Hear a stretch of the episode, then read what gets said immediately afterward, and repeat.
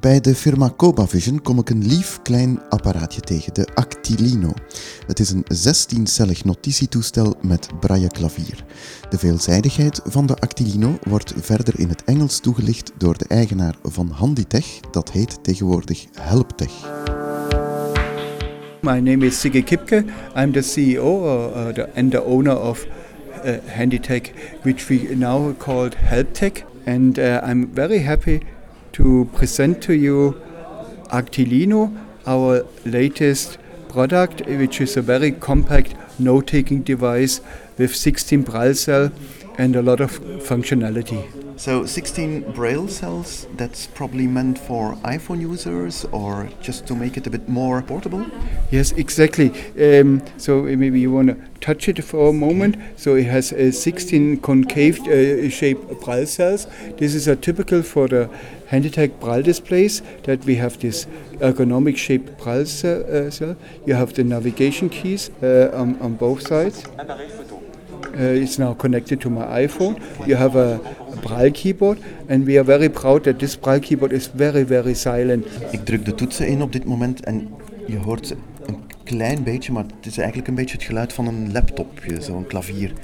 Je hoort het misschien een it's beetje. very similar to this quiet laptop keyboards. Yeah. We, uh, um, uh, there's a different system uh, how to the design of the keys. Um, what we also introduced is a, Äh, a navigation.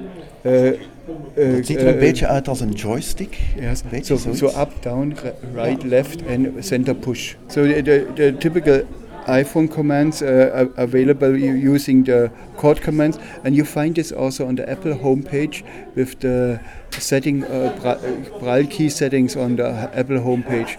Um, this is uh, really I recommend to read through those this list. You find in interesting uh, key combinations how to use your braille uh, device uh, more effectively.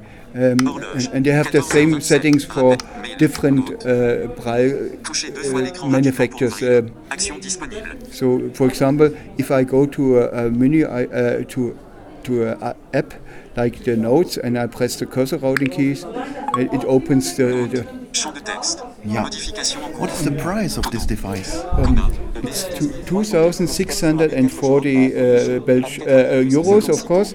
Um, and what I would like to highlight is that you have the possibility of um, connecting three Bluetooth devices parallel, and you can also connect it uh, uh, to a uh, computer via USB, and we're using a magnetic connector like the uh, Apple Book, so it's very easy to connect with a. um, a- it's uh, not a standard USB connector; it's a, a magnetic connector connecting to the PC. Handig is het automatisch scrollen als je bij het einde van een lijn komt. Je hoeft dus geen knopjes meer in te drukken om de volgende lijn te lezen.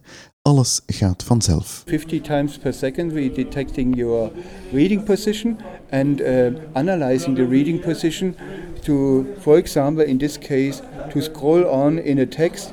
Uh, so this gives you continuous reading without the need of pressing a button. A very typical example is if you would read a, a, a novel like Gone with the Wind, about 600,000 characters.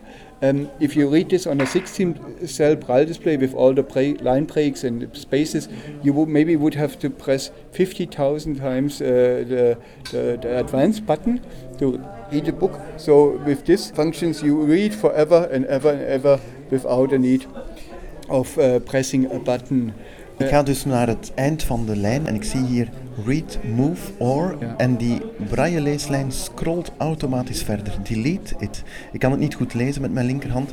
In order to. En ik ga terug naar het begin van de lijn. Er staan natuurlijk niet veel letters op, want het heeft maar 16 karakters. Maar het gaat wel vanzelf. Dat is fantastisch eigenlijk. De Actilino wordt regelmatig voorzien van nieuwe software-updates, waardoor er steeds functionaliteit bij komt. Nu al kan je ermee skypen, want er is een microfoon aan boord.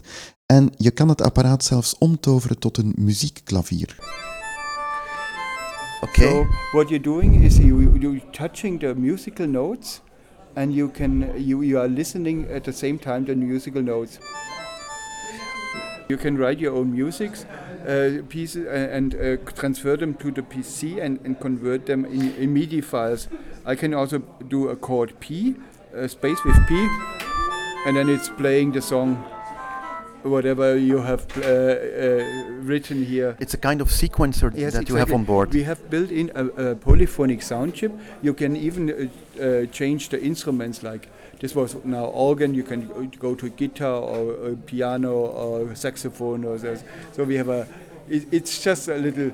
Uh, fun thing to do, like we have implemented also some interactive games inside the Actilino